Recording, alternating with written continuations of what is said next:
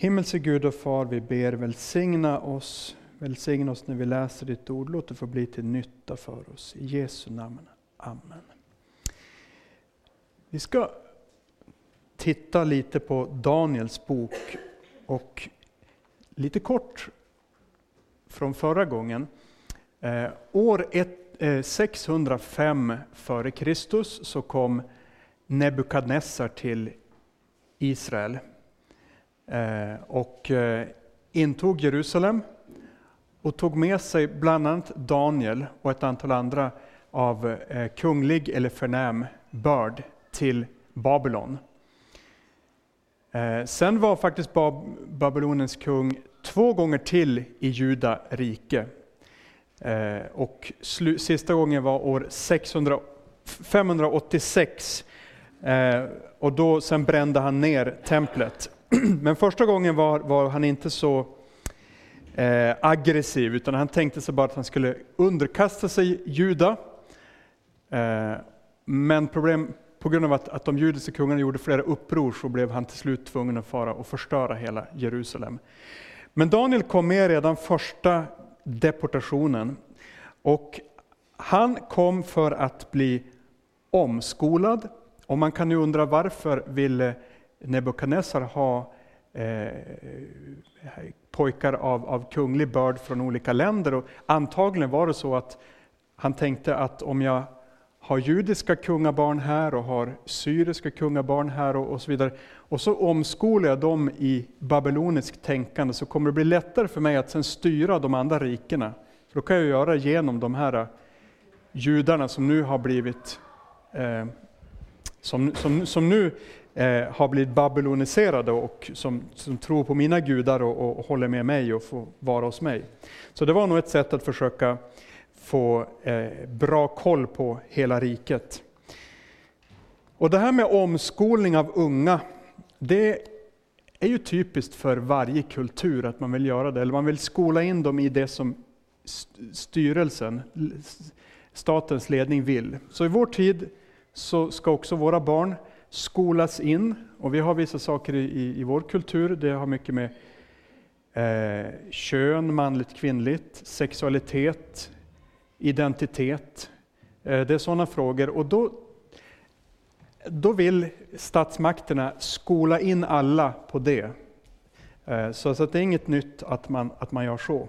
Och därför som förälder behöver man ju vara på sin vakt eh, mot vad barnen får höra i skolan. Att man ha lite koll på vad är det de får, får lära sig och så får man försöka att justera det hemma.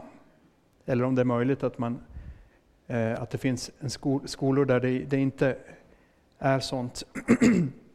Faktum är att kristna har väldigt, på många platser, inte minst lutherska kristna, evangelisk-lutherska kristna, har varit angelägna om att upprätta skolor. I Afrika så har det varit ett prioriterat sak att man upprättar sjukhem och skolor. Sjukhem, där kan man hjälpa människor, visa barmhärtighet, ta hand om människor. Och skolor för att både lyfta folket ur fattigdom och elände, men också för att få tillfälle att undervisa dem i, i Guds ord. Eh, så, så det här med skolor har varit viktigt. Eh, Daniel och hans vänner, de Eh, de accepterade att bli undervisade i den där kulturen och deras gudar och allting. Det betydde inte att de tog in det i sitt hjärta, men de tog reda på vad är det de tror här. Och Det kan vara så att, att en del människor faktiskt ska göra det.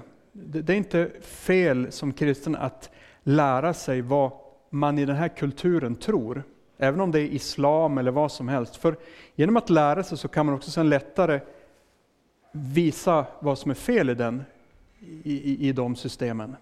Alla kanske inte ska göra det, för det finns ju också en, en, en frestelse. Men eh, det, Daniel lät sig undervisas. Men han drog en gräns.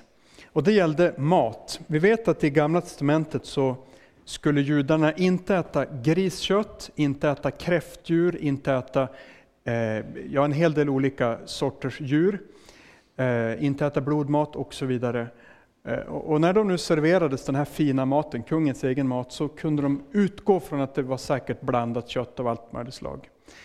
Han, skulle heller, eller, eller han bad också om att slippa dricka vinet, kungens vin. Och varför är inte alldeles klart, men det kan vara så att, att det här vinet har stått framför avgudar, för man brukade ju använda en del av maten, ge det till avguden och så skulle man äta resten själv för att på det sättet markera en slags eh, gemenskap, en måltidsgemenskap med avguden. Och även om det inte i Gamla testamentet, så vitt jag vet, eller har kunnat se i någon kommentar, att det fanns något tydligt förbud, så var det ändå så att, att Daniel och hans vänner, de, de drog ändå en gräns där. Vi vill faktiskt inte dricka av kungens vin för att vi vill inte orena oss. Eh, och så kan det vara i vår tid också, att, att vissa saker vet vi att det här säger Guds ord verkligen att det här är fel, och så finns det andra saker där vi kanske inte har ett exakt påbud, men vi, vi, en del av oss kanske tänker att det här, det, det här drar inte åt ett bra håll. Och man får lov att, att göra så. En del kristna dricker till exempel inte alkohol alls. Nyhetscementet är inte emot det. Men man väljer ändå att, att avstå och dra en gräns där för att man vet att man kanske har släktingar eller andra som har farit illa av alkohol. Och då vill man inte göra det. Och det är okej okay som kristen att dra gränser. Det måste inte vara lagiskt, utan det, man får, får lov att, att dra gränser där man tror att det här är nog klokt att göra. Ehm. Och än idag så finns det ju en del eh, religioner, alla muslimer, judar, även en del kristna som inte äter vissa maträtter. På vår skola har vi till exempel en del som, några enstaka som inte äter eh, griskött och, och, och sånt här, även några som bekänns som kristna. Och då får vi visa hänsyn till det och, eh, eh, och erbjuda annan mat. Man visar hänsyn till varandras samveten, även om vi som evangelisk kristna inte tror att det gagnar någonting att avstå från griskött till exempel. Vi har du, du läste idag Robert, där det står just att, att, att det nåden bygger upp, inte regler om mat. Det ger egentligen ingenting, inte i nya förbundet. Men vi visar hänsyn till, till de som, som har en sån syn, försöker. Nu kommer vi in på andra kapitlet och där har kung Nebukadnessar en dröm som gör honom mycket orolig och han kallar på sina, de visa i landet och kräver att de ska förklara eller berätta vad han har drömt. För det har han tydligen glömt bort. Och så ska, han, ska de också förklara det. Eh, och eh, de blir ju väldigt nervösa, för de vet ju inte hur de ska kunna få, få reda på vad han har drömt. Och, och försöker argumentera och resonera och då blir han rasande och säger att då ska alla eh, av den här sortens eh, tjänstemän i landet avrättas. Och så kommer den här eh, ledaren för, för eh, livvakten, eller för avrättarna, även till Daniel. Och Daniel får reda på vad det är och han ber med sina vänner till Gud och kan sen komma till kungen med en, både drömmen och uttydningen. Och det finns en viktig sak som man kan tänka på när man läser berättelsen och som ligger till bakgrund egentligen för mycket av Daniels bok. Och det var det att på, bland hedningarna på den tiden så trodde man att varje folk hade en huvudgud. Man kunde ha flera gudar, men man trodde att varje folk hade en eller ett par gudar som var det folkets gudar. Och när då två folkslag mötte varandra i strid och det ena folket vann, så uppfattade man det som att då var det den här folkets Gud som var starkare än det andra folkets Gud. Och nu hade Nebukadnessar, han hade lagt under sig hela den, så att säga, inte Egypten, men Assyrien och eh, det var, liksom ett, det var mäktigaste riket på den tiden. Så tankegången var att Nebukadnessars gudar, deras gudar, det var de starkaste. Och Herren, Israels Gud var förstås en mycket svagare Gud eftersom han, han inte klarade av att stå emot Nebukadnessar. Så det ligger liksom till bakgrund för mycket i Daniels bok det här att, att judarna är på något sätt utblottade. Deras Gud tycks inte ha klarat av att skydda dem. Men så ser vi i den här berättelsen att det är inte sant.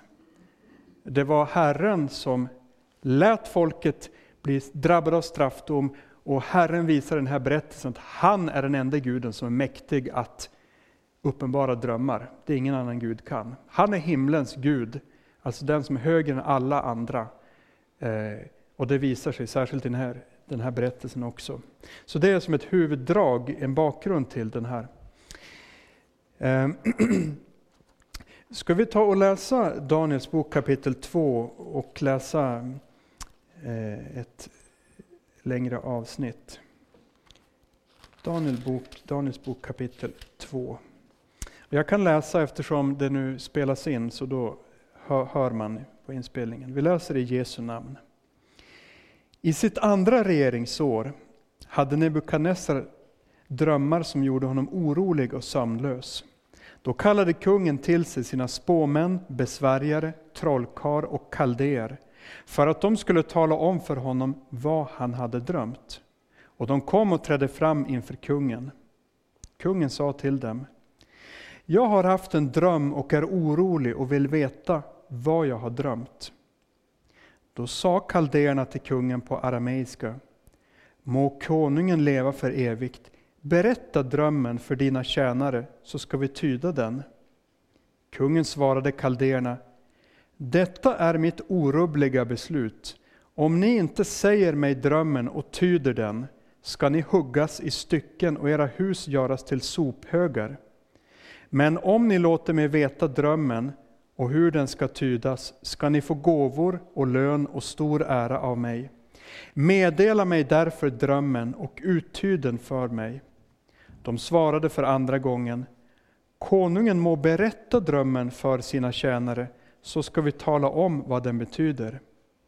Konungen svarade, jag märker tydligt att ni vill vinna tid, eftersom ni ser att detta är mitt orubbliga beslut. Om ni inte säger mig drömmen kan domen över er bara bli en.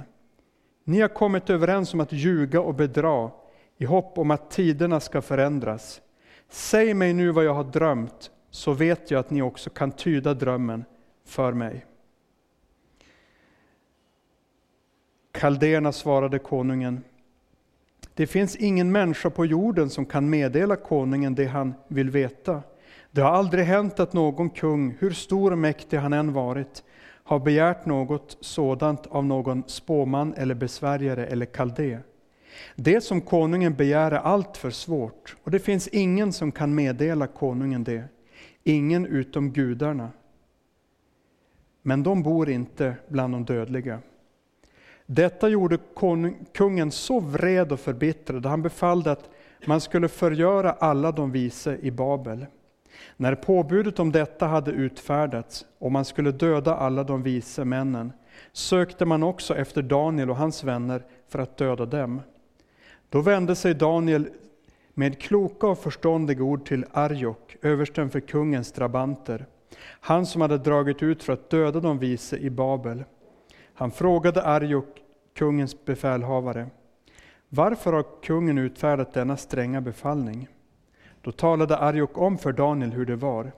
Daniel gick då in till kungen och bad att få tid på sig, så skulle han ge kungen uttydningen.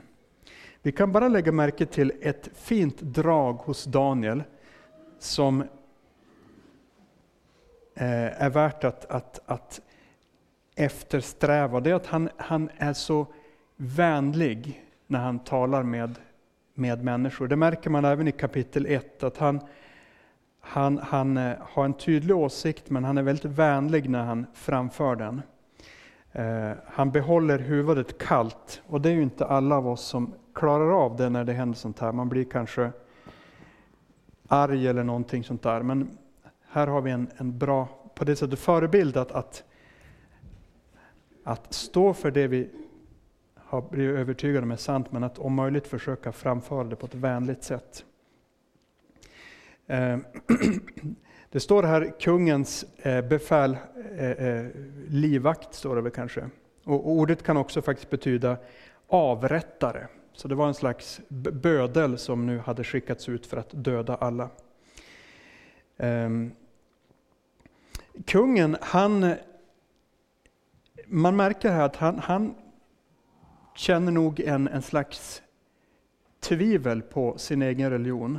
Eftersom han säger att om ni inte säger vad jag har drömt och ger mig uttydning, då ska jag döda alla av er. Ehm, och, och, och när de då står och, och, och, och liksom så, så, så tänker han att nu försöker de lura mig. De försöker att hitta på kanske en dröm. För om de inte berättar, de skulle kunna hitta på en dröm. Ja, du drömde det och det och det betyder det och det. Eller att han berättar drömmen och så drar de bara till en förklaring som inte stämmer. Så nu vill han kolla om det verkligen stämmer. Han kräver att de ska berätta vad han har drömt. För kan de det, då förstår han ju att de har övernaturlig förmåga. Men kan de inte det, då, ja, vem vet om det de uttyder är sant. Det kan hända att han inte kommer ihåg heller vad han hade drömt, men eh, det är i alla fall ett test han gör och de blir ju jätteoroliga och nervösa och klarar inte av det här. Och Det kan man ju se hos, eh, som vi nämnde också häromdagen, att Egyptens trollkarlar, de kunde utföra vissa trollkonster, men det finns en gräns för hur mycket de onda andarna kan hjälpa eh, människorna. De hjälper givetvis aldrig av goda syften, men det finns också en gräns för vad de kan få fram för information. Eh, de här trollkarlarna hade kontakt med onda andar. Det var ju okultism i de här religionerna. Man, eh, så, som, så som i Egyptens trollkarlar, det är samma ord som används som trollkarlar. Men de här stod hjälplösa. Och det svar de ger visar också att de egentligen inte har någon riktigt bra kontakt med gudarna. För de säger att det här kan ingen annan än gudarna hjälpa dig med och gudarna bor ju inte här. Så på något sätt har de ju visat att egentligen så står de ganska hjälplösa där. Men kungen han blir rasande och befaller att då ska de dö allihopa. Och så blir det det som blir befallningen. Eh, men Daniel han går till sina vänner och de ber till Gud om barmhärtighet. Ehm, och så läser vi vidare från ehm, vers kapitel ehm, 12. Detta gjorde kungen så vred och förbittrad, han befallde att man skulle förgöra alla de vise i Babel. När påbudet om detta hade utfärdats och man skulle döda alla de vise männen, sökte man också efter Daniel och hans vänner för att döda dem. Då vände sig Daniel med kloka och förståndiga ord till Arjok, översten för kungens drabanter, han som hade dragit ut för att döda de visa i Babel. Han frågade Arjok, kungens befälhavare, varför har kungen utfärdat denna befallning? Då talade Arjok om för Daniel hur det var. Daniel gick då in till kungen och bad att få tid på sig, så skulle han ge kungen uttydningen. Sen gick Daniel hem och talade om för sina vänner Hananja, Misael och Asarja vad som höll på att hända. Han uppmanade dem att be himmelens Gud om förbarmande, så att denna hemlighet blev uppenbarad, för att Daniel och hans vänner inte skulle dödas tillsammans med de övriga vise i Babel. Då uppenbarades hemligheten för Daniel i en syn om natten, och Daniel prisade himlens Gud och sa Lovat vare Guds namn från evighet till evighet. Ty vishet och makt tillhör honom. Han låter tider och stunder skifta. Han avsätter kungar och tillsätter kungar. Han ger de visa deras vishet och de förståndiga deras förstånd. Han uppenbarar det som är djupt och fördolt. Han vet vad som finns i mörkret och hos honom bor ljuset. Dig, mina fäders Gud, tackar och prisar jag för att du gett mig vishet och förmåga och för att du nu har uppenbarat för mig det vi bad dig om. Ty vad kungen vill veta har du uppenbarat för oss. Bara en liten kort liten notering som ni får ta det och så lämnar vi det sen. Men i vers 22 så står det så här. Han uppenbarar det som är djupt och fördolt, han vet vad som finns i mörkret och hos honom bor ljuset. Och bara som en liten intressant detalj så är det så faktiskt att rabbinerna, eh, de judiska rabbinerna, de uppfattar det här ordet ljuset som ett ord för Messias. Kan man läsa i gamla texter. Så hos honom bor ljuset, så tänkte de sig att, att Messias bor hos Gud. Och vi kan ju sen höra i Nya Testamentet att Jesus kallas för ljuset. Jag är världens ljus. Och det står i Johannes från början där att, eh, att ljuset, det sanna ljuset som ger ljus åt alla människor skulle nu komma in i världen. Men det är bara en liten parentes här, vi stannar inte närmare inför det, men det kan vara lite intressant att veta.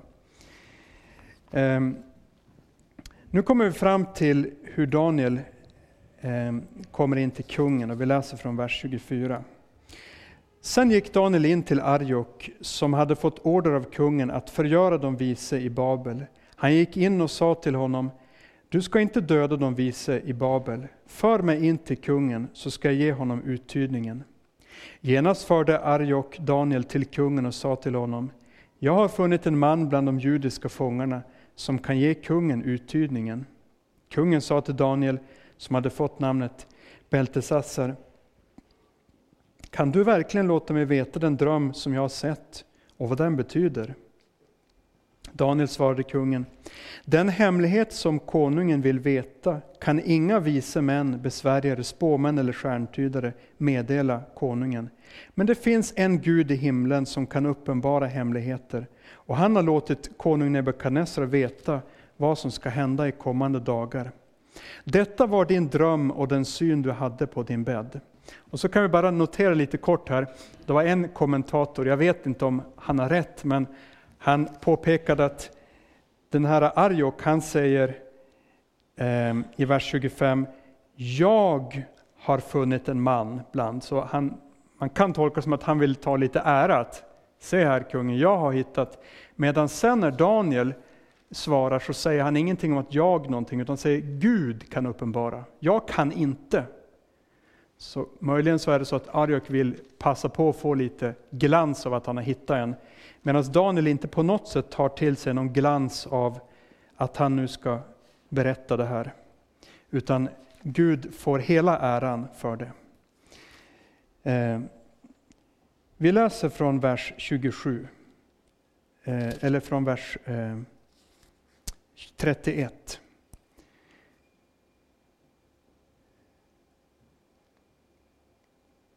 Du, o konung, såg i din syn en stor staty framför dig, och den var hög och dess glans överväldigande.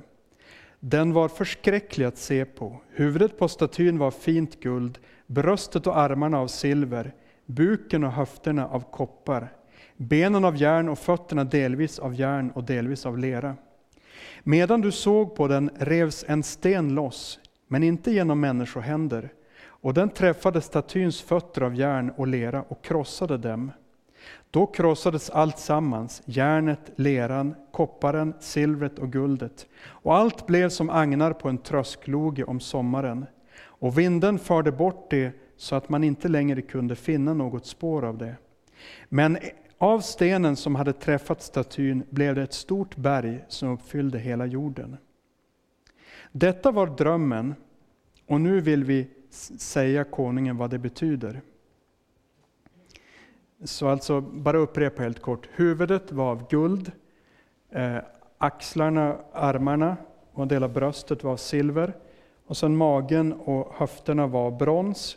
Och sen var det järn. Och till slut längst nere var det järn och delvis eh, eh, eh lera från vers 36. Detta var drömmen och nu vill vi säga konungen vad den betyder. Du och konung, konungarnas konung, som himmelens Gud har givit rike, väldighet, makt och ära. I din hand har han gett människorna, djuren på jorden och fåglarna under himlen, var de än bor, och han har satt dig till herre över allt sammans. Du är det gyllene huvudet. Men efter dig ska det uppstå ett annat rike, obetydligare än ditt, och därefter ett tredje rike av koppar, och det ska regera över hela jorden. Det fjärde riket ska vara starkt som järn, för järnet krossar och slår sönder allt. Så som järnet förstör allt annat ska också detta krossa och förstöra. Och att du såg fötterna och tårna vara delvis av krukmakarlera och delvis av järn, Det betyder att det ska vara ett splittrat rike, men med något av järnets fasthet. Du såg att där var järn blandat med lerjord. Att tårna på fötterna delvis var av järn och delvis av lera betyder att riket ska vara delvis starkt och delvis svagt. Att du såg järnet vara blandat med lerjord betyder att människorna ska blanda sig med varandra genom giftermål, men att de inte ska hålla samman lika lite som järn kan förenas med lera. Och så kan vi stanna bara helt kort. Eh, av historien så han berättar nu att Babylonien det är eh, guldhuvudet. År 539 så kom perserna och erövrade det babyloniska riket. Och perserna de regerade i hela Mellanöstern i ungefär 200 år. Så perserna de är det här andra riket av silver, ett starkt rike. Efter det, ungefär 330, så kom greken Alexander den store. Eh, och han var ju en enorm härförare. Och han erövrade eh, det persiska riket. Så babyloniska riket det var ungefär, ungefär 100 år. Eh, från 626 till 539. Sen kom persiska riket ungefär 200 år. Och sen kom grekerna 330. Och sen ungefär år 150 så började det romerska riket att, att, att breda ut sig och överta. Eh, och det romerska riket hade det med sig att det var ju en, en enorm krigsmaskin. Aldrig hade världen sett en så effektiv militär som de. Det var så, så genomuträknat hur de skulle strida. Så att de, var, de kunde med små enheter krossa mycket större arméer. För det var så oerhört disciplinerat, så väl genomtänkt hur de skulle bära sköldarna. Eh, de hade speciella spjut som kunde det var så bra genomtänkt. men hade till exempel spjut som, kastspjut som var så, så vassa att de kunde tränga igenom en sköld eh, och tränga in i personen bakom. Men sen ändå vika sig så att den spjutet blev sen oanvändbart. Så fienden kunde inte ta loss det och använda tillbaka det. var engångsspjut. De hade, och så fina eh, katapulter och maskiner. Så det var, en, det var ett sånt kraftigt rike som ingen hade sett. De bara marscherade rakt fram och tog över allting. Det var riktigt av järn. Eh, men sen står det också om att det var av järn och lera och det har man tolkat på lite olika sätt. Men det var ju också i alla fall så med romarriket att det var ju mycket strid om makten inom riket och det var svårt att hålla ihop. Det var ju dels, halva riket var ju så grekisktalande, andra var latinsktalande och så vidare. Det var eh, mycket maktkamp och, svårt in, inom riket. Utåt var det enormt starkt, men inom riket var det samtidigt ganska svårt. De försökte många äktenskap och, och mellan kungar och, och rika och sådär, att liksom hålla ihop det, men det var, det var väldigt svårt. Eh, och så står det om det, Eh, det speciella riket som sen kommer och krossar alla andra riket, riken, och det är från vers 44. Men i de kungarnas dagar, alltså romarrikets dagar, ska himmelens Gud upprätta ett rike som aldrig i evighet ska förstöras och vars makt inte ska överlämnas till något annat folk. Det ska krossa och göra slut på alla dessa andra riken, men själv ska det bestå för evigt. Och då kan det faktiskt vara så att den här versen ska förstås som en direkt Kristusprofetia, att Kristus skulle födas under romarrikets tid. Eh, så är det möjligt att förstå den här versen, att man ska förstå det som en, en Kristusprofetia. Att, att eh, Jesus kom och sa, omvände, eh, omvänder och tro evangeliet. Guds rike, eller kungarike, är nu nära, eller är här egentligen. Eh, det betyder ju inte att, att Guds rike inte hade funnits tidigare, men det kom ju på ett, ett nytt sätt med Jesus och med att hedningar kunde få bli delar, del i, i det riket. Och det riket ska vara ett evigt rike. Alla de andra rikena kommer att gå under, eller skulle gå under, men det riket ska krossa allt annat och sen bli eh, ett evigt rike som aldrig ska ta slut. Vers, läs från vers 45. Du såg ju att en sten revs loss från berget, men inte genom människohänder, och att den krossade järnet, kopparen, leran, silvret och guldet. Den store guden har nu uppenbarat för konungen vad som ska ske i framtiden, och drömmen är sann och uttydningen tillförlitlig. Då föll kung Nebukadnessar ner på ansiktet och tillbad Daniel, eller vördade Daniel, man kan översätta det på olika sätt, och befallde att man skulle offra matoffer och rökelseoffer åt honom. Och kungen sa till Daniel, er Gud är i sanning en Gud över andra gudar, en herre över kungar och en som uppenbarar hemligheter eftersom du har kunnat uppenbara denna hemlighet. Och i, i grundtexten står det lite tydligare faktiskt där att er Gud är i sanning gudars Gud och kungars Herre. Så här visar det sig att det här lilla föraktade folket, som då vars Gud då inte tycktes kunna stå emot Babyloniens gudar, han är i själva verket Gud över Babels gudar och Gud över allting. Och så måste Babyloniens kung, den största regenten på jorden, falla ner för en enkel jude och bekänna det här. Ehm, och i det kan vi också se hur Gud låter svaga, det svaga vara till nytta. Det står i första Korinthierbrevet så här. Det som för världen var dåraktigt utvalde Gud för att förödmjuka de visa. Och det som för världen var svagt utvalde Gud för att förödmjuka det starka. Och det som för världen var obetydligt och föraktat och inte fanns till, det utvalde Gud för att tillintetgöra det som fanns till, för att ingen människa ska berömma sig inför Gud. Tack vare honom är ni i Kristus Jesus.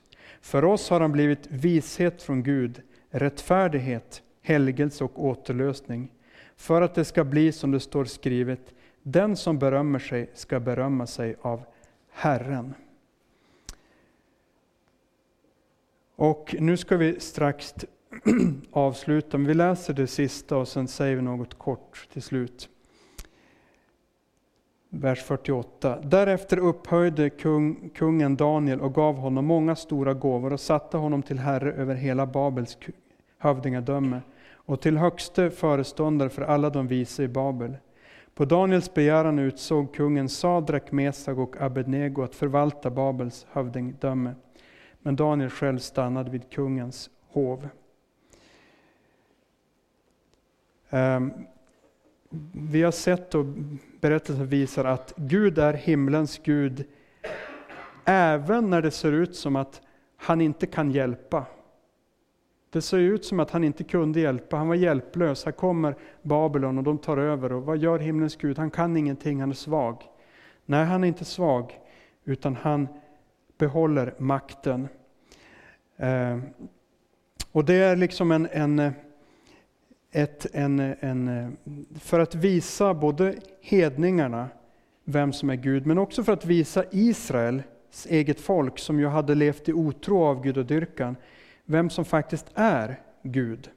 Och också för, som tröst för Guds folk i alla tider när det verkar som om Guds rike går under, Gud gör ingenting, eh, alla andra krafter är starkare, så är det ändå så att han har historien i sin hand, han förutsäger, han bestämmer, han vet allting redan innan det har hänt. I Jesaja kan man läsa på ett par ställen att det står att Lyssna nu, ni israeliter. Nu ska jag säga vad som ska hända i framtiden. Och lyssna så att ni är vittnen om att jag har sagt innan det hänt vad som händer. Så att ni kan veta att jag är Gud, den enda som kan, som kan göra det här. Eh, så att han visar att han, han är den enda guden. Det finns ingen annan än honom.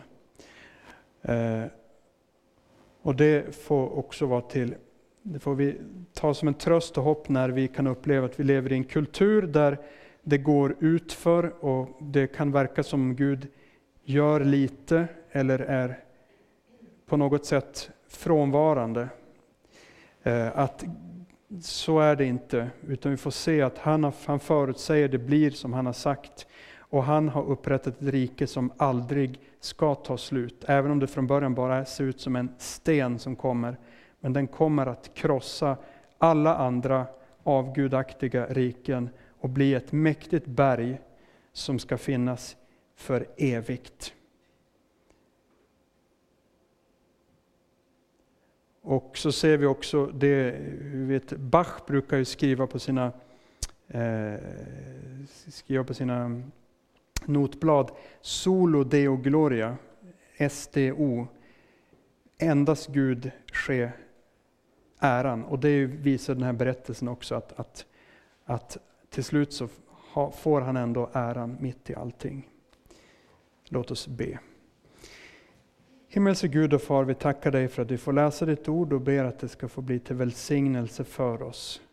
Herre, ditt ord är, är välsignat och vi ber att det skulle,